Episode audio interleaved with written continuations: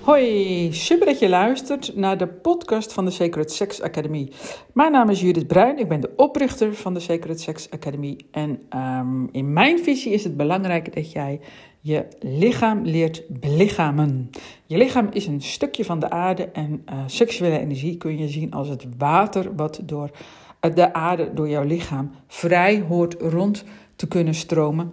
Zodat je gelukkig bent in je leven, in je seksuele leven. En heel vaak raakt die stroming verstoord door van alles en nog wat wat we meemaken. Onder andere als je bijvoorbeeld een abortus of miskraam hebt moeten ondergaan. En ik spreek eigenlijk in allebei de situaties bewust van moeten ondergaan. Ehm, de vrouwen die ik ontmoet, en zelfs ook mannen natuurlijk, die voelen dat ook zo. Um, want een miskraam overkomt je en een abortus is niet altijd een keuze. Dat doen we wel vaak. We denken daar tegenwoordig zo over. Maar mm, je kunt je ook nu nog afvragen in hoeverre het een vrije keuze is. Um, maar mm, mm, ja, enkele tientallen jaren geleden, of iets langer, uh, was het al helemaal niet zo vaak een keuze. Vrouwen die ik spreek, die zeggen: Ja, ik was zelf nog een kind. Uh, of ik stond er alleen voor. Hè?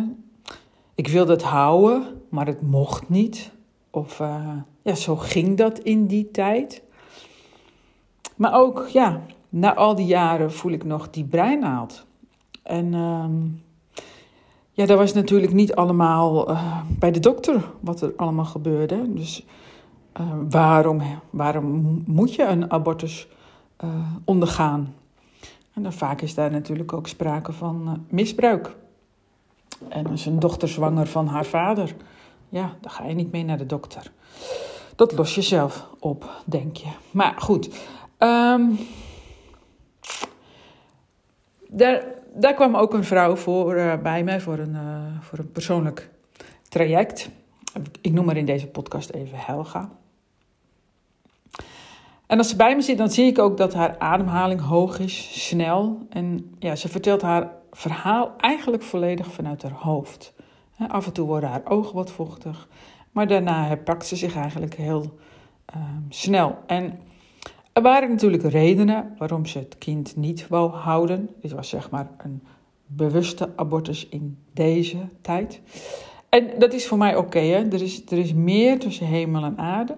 En daar bemoei ik me niet mee. Dus ik heb daar geen oordeel over of je wel of niet een abortus um, hebt laten plegen, doen.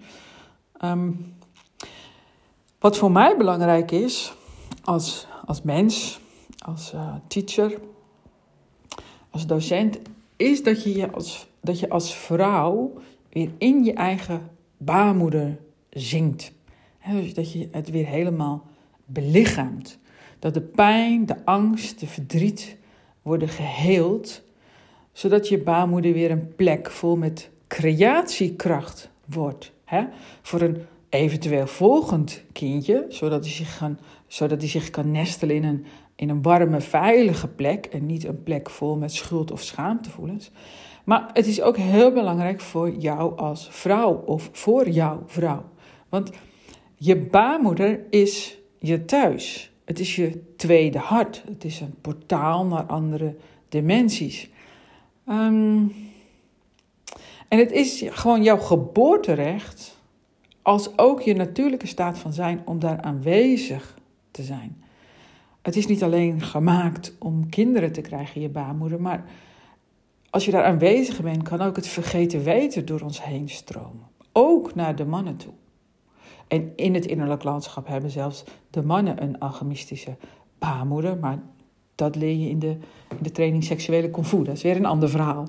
Um, waar het nu om gaat is eigenlijk dat juist deze vrouwen, alle vrouwen bijna, maar ook juist de vrouwen eh, die dit hebben moeten ondergaan, die worstelen met hun zelfliefde. ze hebben het gevoel dat, ze, dat hun lichaam ze in de steek heeft gelaten, als het een, miskraam is, maar ze hebben soms ook het gevoel dat hun dat ze hun kind in de steek gelaten hebben. Ehm, en ik heb, ik heb zelf ook meerdere miskramen gehad. En zowel bij een miskraam als een abortus loeren eigenlijk schuld en schaamte om de hoek. En dat maakt het onnodig pijnlijk, extra zwaar. En schuld en schaamte houden je weg bij een dieper gevoel. want schuld en schaamte zijn gewoon nare gevoelens. Ehm, bij schuld denk je al gauw dat je iets fout hebt gedaan. En bij schaamte denk je zelfs dat je fout bent. En alleen daar al kun je een boek over schrijven, dat is ook uh, gebeurd. Maar wat mij uh, meer dus intrigeert, is dat het je bij je ware gevoel vandaan houdt. Zowel bij schuld als bij schaamte denk je. En vanuit die gedachte ontstaat er een emotie.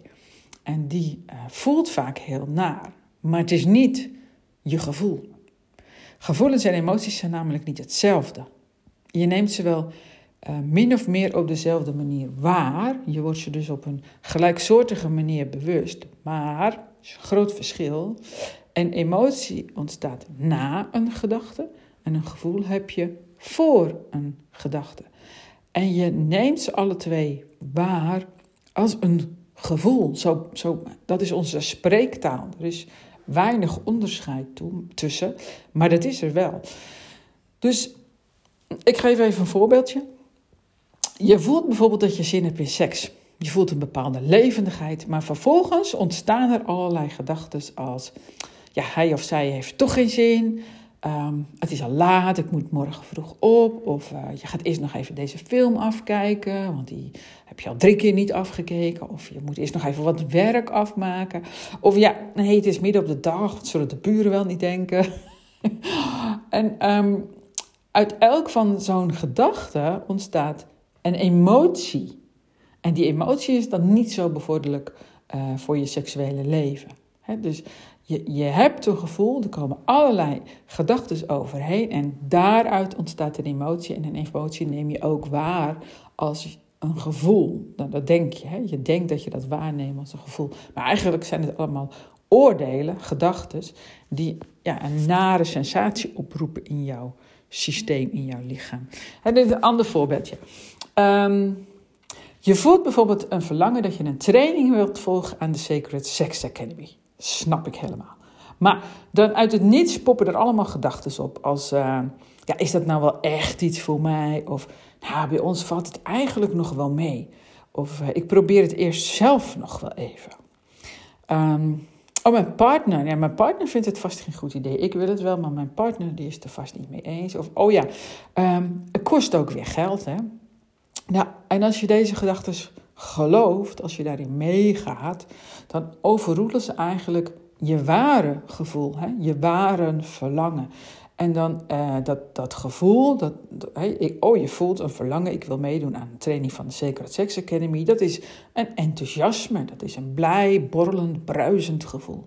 En dan komen al die gedachten eroverheen en dan ervaar je emoties als moedeloosheid, ontevredenheid, verdriet, angst, een bepaalde zwaarte. En dan, ja, als het ware, zakt de moeder jou alweer in de schoenen. En dan doe je niet, dan doe je niet waar je hart blij van wordt. Hè. Je, je volgt niet dat eerste verlangen.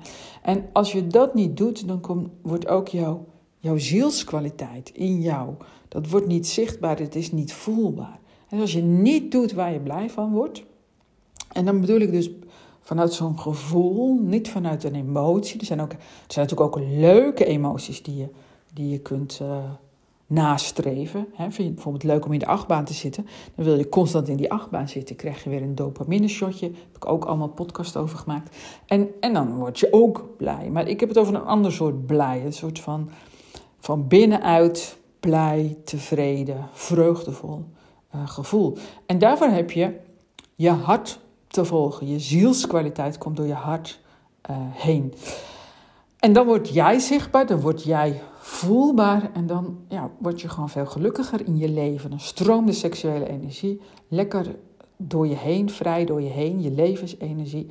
En schuld en schaamte houden je dus eigenlijk weg bij jezelf, bij je ware gevoel. En je verliest daardoor de verbinding met jezelf en je omgeving. Maar Gelukkig is er altijd weer een weg terug. Anders zou ik dit allemaal niet vertellen natuurlijk. En dan wordt iedereen een beetje depri van. dus je kunt altijd weer die verbinding met jezelf en je omgeving herstellen. En je hoeft alleen maar durven te voelen wat schaamte en schuld nou eigenlijk wil uh, verbergen. En daarmee oefen je tijdens de inwijdingsdagen die ik dit jaar uh, allemaal op de planning heb gezet. En, uh, de eerste is 4 maart, dat is al, al snel. Um, maar er volgen daarna nog veel meer uh, inwijdingsdagen. Dus dan kun je even kijken op sacredsex.nl slash, schuine streep is dat, slash ID. Heel makkelijk, inwijdingsdagen, ID. En ja, daar hoop ik je natuurlijk een keer te zien. Want niemand zou zich schuldig moeten voelen of moeten schamen voor verlangens, behoeftes, emoties voor zichzelf. Heb je iets gehad aan deze podcast? Deel hem dan ook vooral of doe je duim omhoog. Super, dan uh, groeien we organisch. Worden we lekker een wijdverspreid platform. Heb ik zin in. En um, bedankt voor het luisteren en tot een volgende keer.